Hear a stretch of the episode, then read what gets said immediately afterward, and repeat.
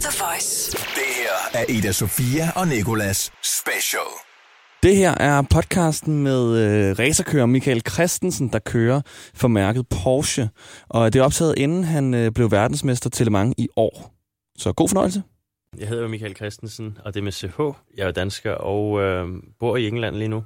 Kører racerløb, og øh, ja, største sejr til dag dato er jo Le Mans sidste år, som vi vandt i GT Pro-klassen. Og i øjeblikket fører vi så verdensmesterskabet i den kategori også, øh, som så bliver afgjort her om to uger på Le Mans. Klassen, det er egentlig, ja, det hedder GTE Pro, det vil sige GT Endurance, og så er det kun for professionelle, og det er kun fabriksteams, der stiller op i det, så som ja, Porsche kører for fabrikken, øh, så er der BMW, Ferrari, Ford øh, med Ford GT-bilen, så er der Corvette, hvor Jan Magnussen kører, så er der Aston Martin, hvor Nicky Tim og Markus Hansen kører. Det er seks, uh, seks uh, fabriksteam, der er med der. Og lige nu, der står I til at vinde verdensmesterskabet. Ja, uh, altså Porsche har vundet konstruktørernes me- mesterskab, verdensmesterskabet i konstruktørerne, et løb før slut, uh, det vil sige uh, i sidste løb i, på Spa, fik vi den titel med, med ombord, men der mangler stadig uh, køretitlen, som jeg så, så kæmper om. Uh, og vores største konkurrent er faktisk vores søsterbil. Ja, det er også Porsche. Ja, det er så også Porsche, så vi, vi kan... Uh, det, er kun, det kommer til at blive en Porsche-kører, som bliver verdensmester i år. Ja, det er jo så lidt internt fight nu øh, op til Le Mans, så det er lidt, lidt upraktisk, men øh, det er jo gamet. Vi skal mere eller mindre bare gennemføre øh, Le Mans, øh, og så har vi vundet verdensmesterskabet på, på vores bil. Og det betyder, at hvis at man gennemfører, så får du minimum et point. Det er en regel. Og vi fører med 36 point, og man kan maks få 38 point på Le Mans. Um, det vil sige, de andre, de skal vinde, og vi skal mere eller mindre udgå, før det kan lade sig gøre uh, for dem at vinde verdensmesterskabet. Ej, shit. Altså, Så, så, det, vi fører så- rimelig meget. Vi var, vi var lidt, vi var lidt utilpas med, at vi ikke vandt øh, på Spa, fordi vi, man vil gerne køre Le Mans uden pres på for at miste et verdensmesterskab. ja. I, altså, I stedet for at skulle køre om én ting, så kører man lige pludselig om to ting, så man skal begge to i, øh, i baghovedet øh, under Le Mans. Men vi fører med så meget, at vi føler, at vi, vi, øh, vi har en relativt godt øh, mood. Vi er ikke for stresset omkring et, øh, situationen, også fordi at det er vores søsterbil, vi kører imod. Det vil sige, at vi har samme materiale at arbejde med, og vi har normalt givet dem øh, røv indtil nu, så hvorfor skulle det ændre sig til det mange? Michael, kan du lige kort forklare, hvad Le Mans det er? Jamen, 24 timer of Le, of Le Mans, som man siger. Mm. Mm. Uh, 24 Hours of Le Mans. Det er jo et af de ældste løb, mest legendariske løb, og har størst historik, også med fabriksteams, der kommer nu, nu kommer der en ny video, eller en ny uh, video, ny uh, film, øh, hvor øh, Matt Damon og øh, Christian Bale er med, som hedder Ferrari vs. Ford, øh, hvor at man snakker om en, en battle, der var tilbage i 66, hvor at Ford de kom til Le Mans for at prøve at slå Ferrari. Og det er sådan en, en legendarisk historie, øh, som selvfølgelig var virkelig. Og det er jo bare, det, det siger bare, hvor meget det her løb det har af historie. Det er løbet, hvor at fabrikkerne kom med deres biler, prøvede at være- at være den bedste og stærkeste bil, og være mest udholden og hurtigst muligt hen over de her 24 timer. Øh, det er en af de største baner i verden. Den er 13,1 km lang, tror jeg nok, med, med rigtig, rigtig høje, høje øh, tophastigheder. Mellem, for alle bilerne ligger mellem 310 km i timen til 350 km i timen på langsiderne. Ja, så er det mere eller mindre et sprint, sprintløb. Der er ikke noget, hvor man siger, man kan lige slappe af og lad os se, om bilen har, lad os på, passe på bilen, vi, vi, vi, vi kører pænt, så- og så kommer vi til at ligge op foran. Sådan hænger det bare ikke sammen længere. Bilerne holder så godt, at det er fuld gas fra start til slut, og det er så 24 timer. Man deler bilen som regel med tre øh, eller to kører. To andre kører, det vil sige, man er tre. Um, så det er et endurance race. Um, det vil sige, efter hvert pitstop eller hver anden pitstop, så skifter man kører, og så er det den næste kører, der tager over, og så selvfølgelig skal gøre det så godt som muligt. Fra man kører ud af pitten, til man kører ind i pitten igen, det er det, man kalder et stint. Uh, og der skal du selvfølgelig putte nyt benzin på. Nogle gange nye dæk, nogle gange ikke. Det kommer an på, hvor meget, hvor god man er til at passe på dækkene. Hen over det her stint, som regel, så har vi, jeg tror det er 13 sæt dæk, 14 sæt dæk på et, et Le Mans. Det vil sige, vi kan jo ikke skifte hver time, Mm-mm. mm. som man normalt vil. Uh, men uh, så, der er det så der, hvor det handler om at sætte bilen så godt op som muligt, uh, til at kunne få det mest ud af dækkene uh, hen over de her to timer, som formentlig skal køre med et sæt dæk. Er det ikke noget med, at de har øh, speciallavet sæder? Jo, altså vi har jo... Men det er jo lidt svært, fordi at vi er jo tre kører, øhm, og man har ikke tid til at skifte sæde i sådan en bilstop. Der er det ud og ind, og så spænder man selerne, og så kører man. Og det vi så gør, det er, at vi, vi får scannet kroppen i bilen, og så får lavet sådan en skal, som bliver sat ind i, den, i, i sædet i bilen, faktisk. Det er lidt ligesom sådan en børnesæde, hvis man kan sige det sådan. Og så, øh, får vi så alle sammen scannet vores krop. Øh, og så har vi de her mennesker, som er professionelle i at lave sæder, øh, så finder de den bedste løsning, altså et kompromis på alle, og så har man et sæde, der passer til alle, sådan mere mindre. Man prøver selvfølgelig at finde to andre kører, der passer nogenlunde i samme bil, højdemæssigt, og heller ikke alt for tyk og alt, alt for tynd, og altså alt det der, ikke? det skulle gerne passe nogenlunde, ellers så kan det ikke lade sig gøre selvfølgelig. Du kunne i princippet grund med sådan en skildpaddeskjold hele tiden med, med dit sæde, sådan, så du bare er klar til at lægge dig ja, ind. Ja, sådan er det. Jeg tror ikke, det er, det er ikke, det vil sige homologeret, det vil sige, at det ikke er lovligt, sådan uh, safety-mæssigt at gøre det på den måde. Men uh, jo, det er lidt sådan der. Øh, jeg har hørt rygter om, at man, øh, når man skal tisse og sådan noget, så Mm. tisser man bare i, i sin dragt. Ja, altså, øhm, det er jo, jeg var lidt uheldig sidste år, øhm, og det fik jeg også først at vide efterfølgende, fordi man ved jo ikke, at der er en eller anden, der er pisset i bilen. altså, øh, fordi det, det kan du hverken lugte, eller det tænker du ikke over, og du kan ikke mærke det, fordi det er så varmt. Det er varm bilen hele tiden. Den er jo 40 grader varm. Øh, så det er lidt ligesom kropstemperaturen. Så øhm, ja, efterløbet, jeg kørte jo så bilen hen over stregen, da vi vandt sidste år, og så kom jeg op, og så, så siger de, hold kæft, du lugter. Fordi de, mine to medkører, de, vi skulle op på podiet, og så siger de, hold kæft, hvor du lugter. Så siger hvad mener du? Ja, det kan godt være, vi kommer til at pisse i bilen, men vi har så gengæld skiftet vores dragt til en ny, og nu render du rundt med noget pis på dragten. Ikke? Altså, det var, De andres pis. ja, de andres pis på dragten, så det var sådan lidt. Ej, Men sådan er det. Det, det er en del af gamet, men man, ja, jeg har jo så også øh, været i den situation før. Men øhm, det er helt klart noget, man prøver at undgå. Vi har rigtig meget sådan ventilation i bilen, fordi at der er varmt. Vi skal have luft, og der har vi et system i, i bilen, hvor der, der er sådan luft i sædet. Altså der giver der er ventilation i sædet. Og det er sådan på ryggen, og efter vi fik det system i, så skal man bare pisse helvedes til.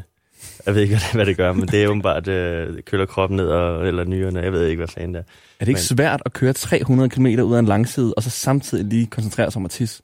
Ej, det er sgu nemt. Altså, det er virkelig befriende og, og pis, vil jeg gerne lige så sige, når man har prøvet at holde sig så ind til, at man skal i pit. Men hvis man, når man så har sådan, nu giver jeg sgu op, nu pisser jeg bare, uh, så er det egentlig, så, så er det som om, man, man kører lige lidt bedre. så gør det lidt hurtigere. Ja. Michael, udover det her med at skulle tisse og sørge for alt det her, hvad er så det hårdeste ved Le Mans? Uh, det er helt klart um, at holde fokus. Det er jo udholdenhed i sig selv, det her med, at man skal holde fokus i 24 timer. Det skal du jo så ikke. Du har mulighed for at komme ind og slappe af, spise og få massage, på grund af, at man er tre kører.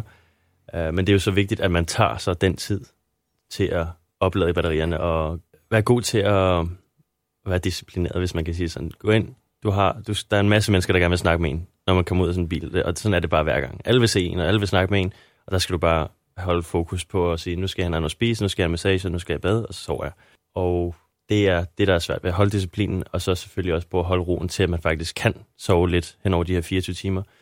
For de første ja, 15 timer, 16 timer, de er sindssygt nemme. Altså, man, adrenalin kører, der er ikke noget øh, problem med at holde sig vågen jo. Altså, det er klart, selvom det er midt om natten, så er man helt frisk. Mm. Problemet er, når man sådan kommer hen, om, hen og slut på morgenen dagen efter, sådan ved en 10-11-12 tiden, så er du bare drænet. Så er du færdig. Øh, sådan mentalt. Også øh, hvis du ikke har sovet, hvis du ikke har haft taget det den her tid, så kommer det bare efter dig på et andet tidspunkt. Problemet er, når du kører ud på, du kører mellem to til tre timer i bilen ad gangen. Det vil sige, du kører, som, du skal kunne køre dobbelt stint, måske triple stint, alt efter hvordan at, øh, løbet for, foregår, om der kommer safety car, eller om øh, der regner, øh, så kan det godt få, være lidt bedre måske at sidde i bilen lidt længere, fordi at man kender forholdene til den næste kørsel i bilen. Så det er jo rimelig lang tid at skulle præstere og holde fokus allerede. Når det så er sagt, så skal du også huske at drikke. Du skal huske at holde dig hydrated. En ting er at gøre det én gang. Det vil sige to-tre timer én gang. Det er fint nok. Men du skal jo i bilen fire gange, fem gange. Det tager bare på en hen, hen over øh, 24 timer. Så hvis du ikke får, hvis du ikke holder dig selv hydreret hele vejen igennem, øh, så, så kommer det til at slå dig rigtig hårdt oven i hovedet øh, til slut på løbet. Så det, det, det er den her disciplin med at holde styr på til sig selv egentlig. Mm. Har du sådan, nu har du kørt Le Mans før, øh, og også øh, vundet. Hvad er det sådan, udover øh, at du selvfølgelig vandt, hvad er så dit mest specielle minde fra Le Mans? Har du en, sådan, en, en historie? Det er jo lidt det her med, hvordan skal man takle løbet. Fordi vi har, vi har jeg tror vi er 18, 18 uh, professionelle racerbiler, vi kører imod. Uh, og alle sammen har mere eller mindre lige gode chancer for at vinde det her løb. Alle sammen har professionelle racerkører, altså top, top racerkører. Um, så der er ikke nogen, der bare laver en fejl. Der er ikke nogen, der bare kører udenom og kører forbi og væk. Uh, fordi at det er tæt konkurrence. Um, så det er jo marginalerne. Um, og inden sådan løb, så snakker man om, hvad er, det, hvad, hvad er vores strategi? Hvad tror, vi, hvor er vi bedre end de andre?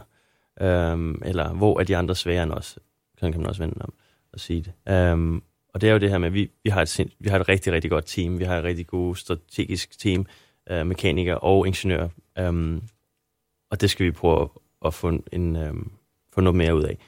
Og den specielle historie her er jo egentlig, at før Le Mans sidste år, jeg sagde til, til mit crew, øh, at vi har tre safety cars, når man kører Det vil sige, at banen bliver delt op i tre. Og jeg vil gerne se, om vi kan trække lidt fra, fra feltet. Altså, vi start, vi var jo, vi startede to vi var oppe, og vi var en af de hurtigste biler, og så siger jeg til de andre, det er noget, man ved efter kvalifikationen, hvor man ligger selvfølgelig. Jeg synes, at vi skal prøve at se, om vi kan slå et hul til feltet. Det vil alle jo gerne prøve at slå et hul i feltet. Men eftersom man ikke har så mange dæk, at man kan sætte nye dæk på hver gang, så prøver folk at køre dobbeltstint fra start til slut. Så jeg, vi skal bare, jeg synes, at vi skal sætte syv sæt nye dæk på i rap. Det vil sige, at vi, har et, vi kører sprintløb. Til sidst så kører vi så, til, så kun på øh, brugte dæk. Øh, og det var der meget intern øh, problemer i, i, for mit vedkommende. Jeg skulle, kæmpe for, jeg skulle kæmpe hårdt for at få den her strategi igennem. Men til sidst så fik jeg så lov. Så, så siger vi, okay, vi kører sprintløb fra start. Vi kører ny dæk, ny dæk, ny dæk, ny dæk, øh, hvor de andre formentlig vil kun køre brugte dæk. Um, og det gør vi så. Og vi fik det her hul, hvor der kom en safety car mellem os. Det vil sige, at vi fik et, et, et hul fra os ned til de andre på over et minut. Mm. Allerede efter tre timer i løbet. Og det her minu- minut hul, det gør bare, at at det er jo næsten umuligt at få tilbage, fordi hver, næste gang der kommer en ny safety car, så får du formentlig det her hul igen. Og hul igen. Der kom fem safety cars, så til slut havde vi en føring på tre minutter, på grund af det her første strategiske uh, move, som vi gjorde fra start. Og det var egentlig den her, det var en sindssygt fed følelse, følelse for mit vedkommende, at jeg var også med til at styre lidt, hvordan det løbet kom til at uh, blive afviklet mm. i form af strategisk, og det var jo fedt. Året før, der havde vi så en lidt anden situation, men der førte vi øh, løbet også. I 2017 er det jo så. Der fik vi at vide, på det tidspunkt var vi ikke så hurtige, men vi førte løbet, at jeg begyndte at køre hurtigt, og var hurtigst bil på banen, og så siger min ingeniør, you're fast car on track, just keep going. Samme omgang, der kører bilen lige væggen, og så er løbet over. Ej. Jo, altså, altså jeg, det var ikke med vilje selvfølgelig. Det var en fejl. Jeg, jeg kørte for hurtigt ind i sving, og så smadrede jeg bare bilen. Og det var lidt det der med, så fokus var der selvfølgelig, men man var lidt for over, over øhm, motiveret. Mm. Man, man tænker, nu kører man bare, nu er det bare derudad. Og der glemmer man lidt det der med, det er et rigtig, rigtig langt løb, og der kan ske en masse ting. Og, øhm, så det var to forskellige måder, og det begge to er det der med, den der smart, være smart og være voksen i situationen, ikke? Øh, hvor der kan være en, en fordel, men ikke, der er andre, der ikke måske har set. Hvordan er det at, øh, at køre sådan en bil, og så lige pludselig bare øh, være på vej ind i væggen? Der er jo de her få sekunder, hvor jeg tænker, du bare sætter dit liv i passé, hvis du kommer kørende med sindssygt høj fart, og den så bare øh, har vej mod barrieren. Det er jo med det her presset på at fejle. Jeg føler, det er jo både en ulempe og en fordel at kunne have det her pres for at fejle. Altså være stresset over at skulle over at fejle, kan mm. man sige. Uh, man, folk kan godt være sådan lidt, ja, man skal ikke være bange for det, for det skal du ikke tænke frit. Men samtidig, hvis du har så meget pres på at, for at fejle, gør du bare en ekstra indsats, for at det ikke sker. Uh, og det er jo egentlig lidt det her, når man ser, at det så går galt, så føler man bare det her, altså man er bare lyst til, ja, man ved ikke, hvad man skal gøre. Man er bare hjælpeløs, selvfølgelig. Og det er jo som du siger, det, det går virkelig, et sekund tager 10 sekunder i, i, i den her situation, ikke? og så tænker man, når rammer man med den her væg, ikke? og så smadrer man lige i væggen. Og trækker, jeg trak så 55 G på det tidspunkt, og bilen var selvfølgelig smadret. Um, man prøver selvfølgelig stadig at komme tilbage til pitten, men det kunne ikke noget. Men det er jo mere den her ævelse over, at man har fejlet. Ja. Og skal tilbage til pitten. Der står 100 mennesker, og det er lidt, literally 100 mennesker, som har set deres førende bil. De har kørt, de har arbejdet over et år på at skulle få det her til at lykkes. Og så er der en eller anden dansker, der kører bilen lige væggen, ikke fra en førsteplads. Og det er jo lidt den der følelse, man kommer tilbage til teamet med. Man, man skal jo sådan, man skal lige omkring Medical Center først, og så kan man lige tænke over, hvad man skal sige til teamet, ikke? Um, og, og det, det, det, er jo lidt den uh, følelse, man har. Man, og det pres, man nu har, har hele tiden haft igennem det her års tid, og så er man grunden til, at man egentlig har fejlet. Det er jo egentlig, det er ikke så sjovt. Hvad er så, øh, er der sådan en, øh, en straf, I sådan har, at hvis man crasher bilen, så giver du lige flødeboller dagen efter, eller? Ja, vi har sådan internt, øh, vi har tre jokers. For eksempel mig og min teamkammerat sidst, det var 17, vi snakker her. Øh, vi, vi var begge to ikke særlig gode til at holde bilen på banen. Øh, vi har kørt lidt meget ind i det, det ene og de andre ting, uden som sådan store fejltagelser. Det er små ting. Det er små ting, der nogle gange kan gøre, at det giver et stort udfald. Ikke? Og det, det har det gjort et par gange i, i det år, der til sidst har tænkt, okay, vi, vi køber skulle lige noget sprut til mekanikerne, og så, og så, øh, så tager vi ud og spiser lidt mad og sådan noget. For lige, fordi at man prøver at holde gejsten op, ikke? fordi det er jo det er dem, der står med med lortet i sidste ende, ikke? At skulle samle den her bil sammen, eller det er jo tit og ofte en helt ny bil, ikke? der skal mm. laves fra bunden. Michael, jeg, vil gerne tale med dig om, sådan, om øh, din øh, fortid, ved jeg ikke, man kan kalde det, men sådan, fra dengang du startede, fordi at, øh, det er noget med, at du skulle være altså, et af Danmarks største talenter, og øh, var det nye Formel 1-håb og sådan noget, og øh, egentlig større talent end Kevin Magnussen. Men så skete der noget med, at der ikke var penge nok, og et eller andet. det handler jo rigtig meget om penge i den her branche, specielt når man skal arbejde sig opad, med Ja. at du ligesom selv skal, større, skal sørge for kart helt fra start af, ikke en go-kart, og selv skal sørge for at finde sponsor og sådan noget. Der er ikke Mm. meget hjælp. Kan du fortælle, hvordan det er sådan, er, det har været fra start til, sådan, til slut, til du gik en anden vej? Ja, det starter som regel go-kart, men sådan, hvis man kigger på de fleste uh, professionelle racerkører i, i, motor, i, inden for fire, firehjulet racerløb, så er det jo som regel go-kart, man starter. Og i Danmark var det på det tidspunkt, hvor jeg startede, det var jo, der var man 10 år gammel. Uh, der måtte man ikke køre, før man var 10 år gammel. Uh, I hvert fald i konkurrence. Og det, det var så det, at um, mig og mine forældre, vi blev enige om, at uh, jeg gerne ville. det var egentlig mere, fordi at jeg ikke fik set min far meget, han arbejdede meget. Og min mor, hun pressede egentlig på, for at sige, nu skal du fandme til at se din søn lidt. Og så siger min far, kan vi ikke prøve at køre go-kart, og så, så kan jeg være mekaniker for min søn, ikke? Og så var det sådan lidt den vej, Øh, det hele startede. Og det var jo bare en hobby, øh, fordi at man gerne ville være sammen med min far, og jeg gerne, han gerne ville være sammen med mig, og så hyggede man sig i weekenderne på en eller anden go-kart-bane eller andet sted. Det var så kursør i det her tilfælde. Men ja, det tog jo hurtig fart med, at man, eller det tog ikke bare hurtig fart. Jeg gjorde det godt, og min far han var god til at, at hjælpe mig på vej og, og coache mig på det her tidspunkt. Uh, og allerede året efter, det vil sige efter et år i, inden for sporten, så begyndte jeg at være mere eller mindre dominant inden for min kategori. Det var det, man kaldte Formel Junior på det her tidspunkt. Det var fra 10 til 13 år gamle, med, og jeg var 11 på det tidspunkt, der var jeg i gang med at dominere den her kategori efter et år inden for, for klassen og inden for sporten i Danmark. Vandt ikke, jeg tror, jeg blev 3 af det år, men året efter dominerede jeg fuldstændig. Jeg, jeg tror, jeg vandt 23 løb ud af 26 løb, og var på podiet 25 gange.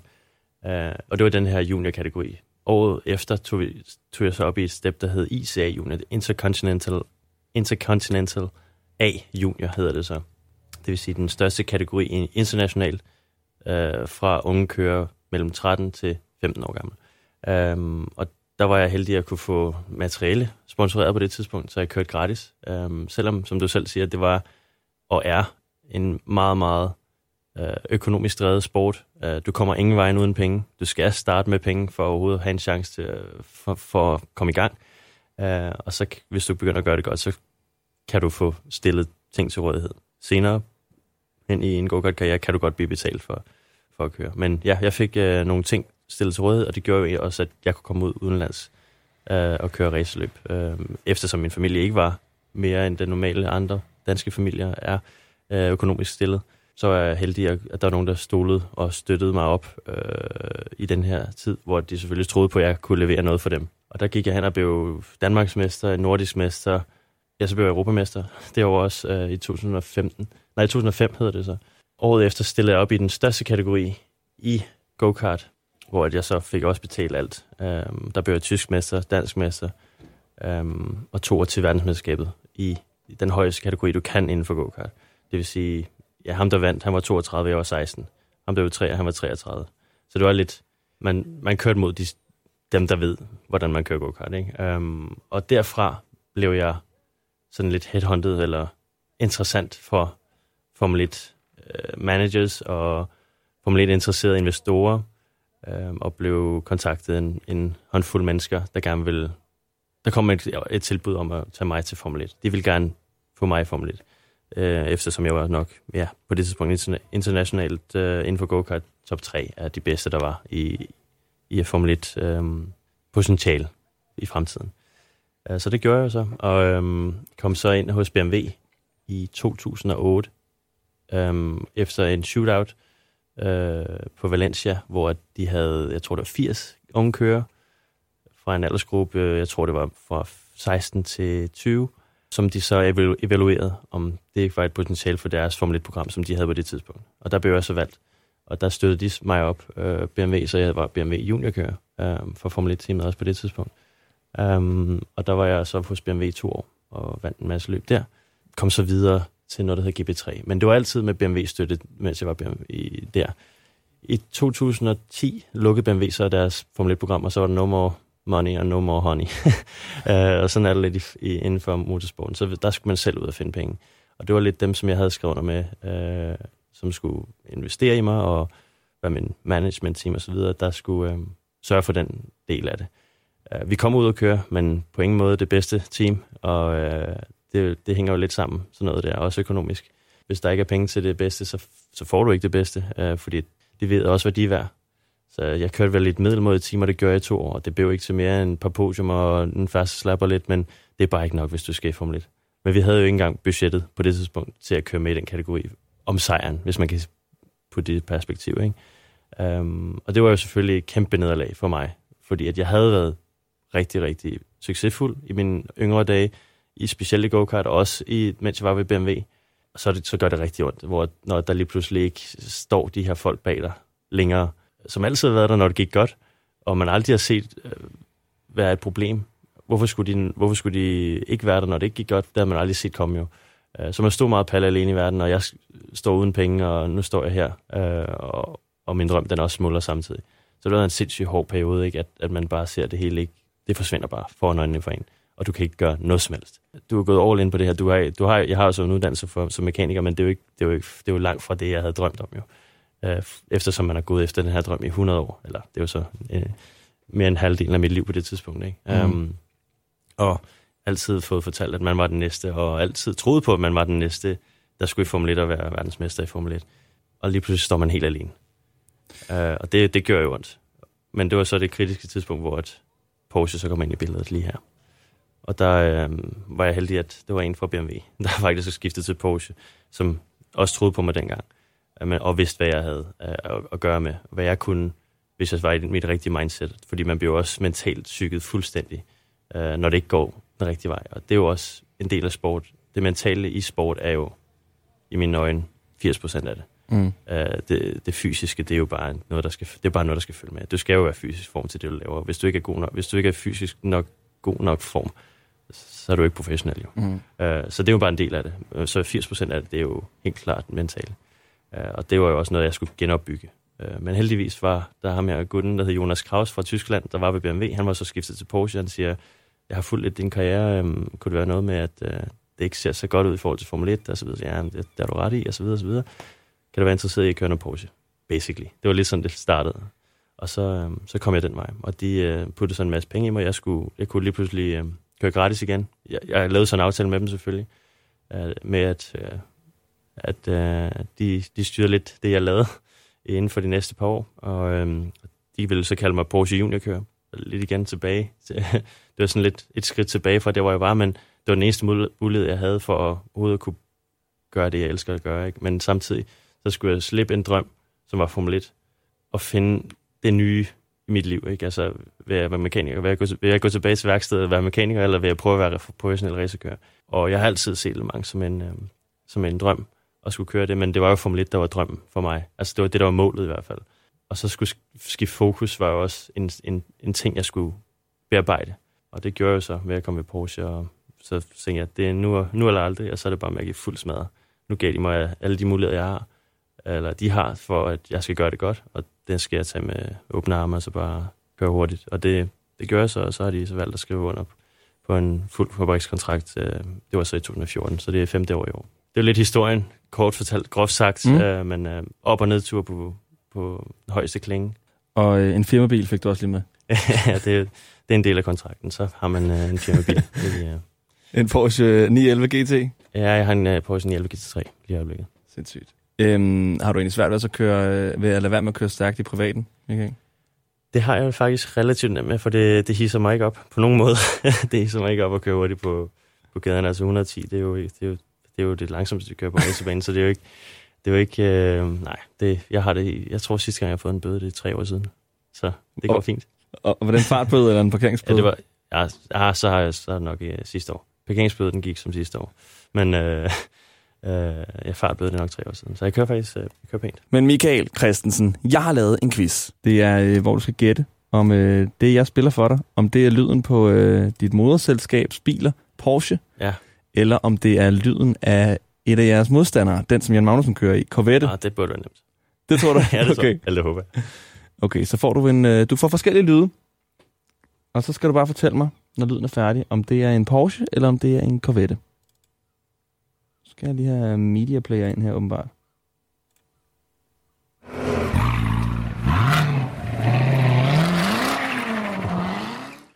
Altså, det er ikke den Corvette, som Jan kører racerløb i, men det er en Corvette. det er rigtigt.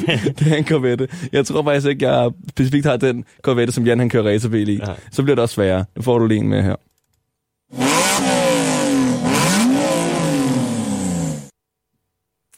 Ja, den synes jeg faktisk var svær. Men jeg synes på ingen måde, det lød som en Porsche. Lige der.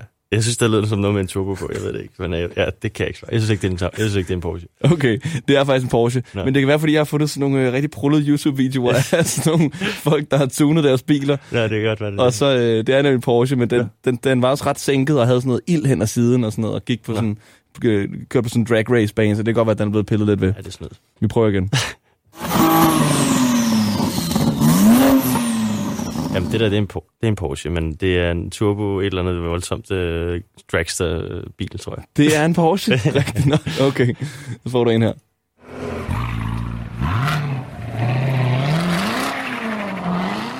Jamen, det er en Corvette. Det er en Corvette. Det er rigtigt, Michael. Det går godt. Okay, der er fire tilbage.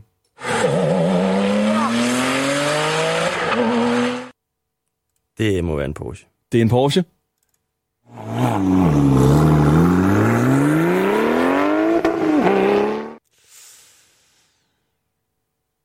Den var svær. Det ved jeg ikke. Ej, jeg, jeg, vil, jeg vil sige Porsche. Det er en Porsche. Ja. Det er rigtigt.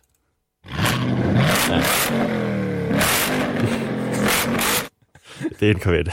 Hvordan kan du vide det? det ved jeg ikke. Jeg synes, den lyder så dårligt. Oh. Okay, så er der den sidste her. det er sådan mere støvsugagtigt, men det må være en Porsche med en turbo på. Det er en Citroën Berlingo. Nå, okay. okay, det kan man bare se. Rigtig godt klaret. Øhm, nå, Michael, øh, Le Mans her, det kommer til at foregå i, øhm, i øh, om to weekender. Så Specifikt den 12. Nej, ja. Øh, 16. 17. Nej. 5. 16. 15. 16. Ja. juni. Ja. Og øh, når man nu skal sidde her i 24 timer og se det, og gerne vil holde øje med dig, hvilken bil er det så, du kører i? Jeg kører i nummer 92. Øh, Porsche. Porsche GTE Pro nummer 92. Øh, den har lidt sort, hvid og guld har den på sig. Vi har guldstriber på, fordi at, øh, vi vandt verdensmesterskabet som manufacturers. Øh, eller som fabriksteam. Um, og det er jo derfor, der er guld på, og det er jo så lidt, lidt øh, for at blære sig, men øh, det burde man også gøre en gang imellem, tænker jeg. Helt sikkert. Og så den, øh, den, den er sådan lidt øh, grisefarvet, lyserød. Nej, det var den, vi havde sidste år. Den står på museet nu. Okay. Ja. Hvilken farve er I gået over til nu? Jamen, den er så hvid, øh, hvid sort og guld. Hvid, sort og guld var det. Ja. Fedt. Så hold øje med den. Ida Sofia og Nikolas Special.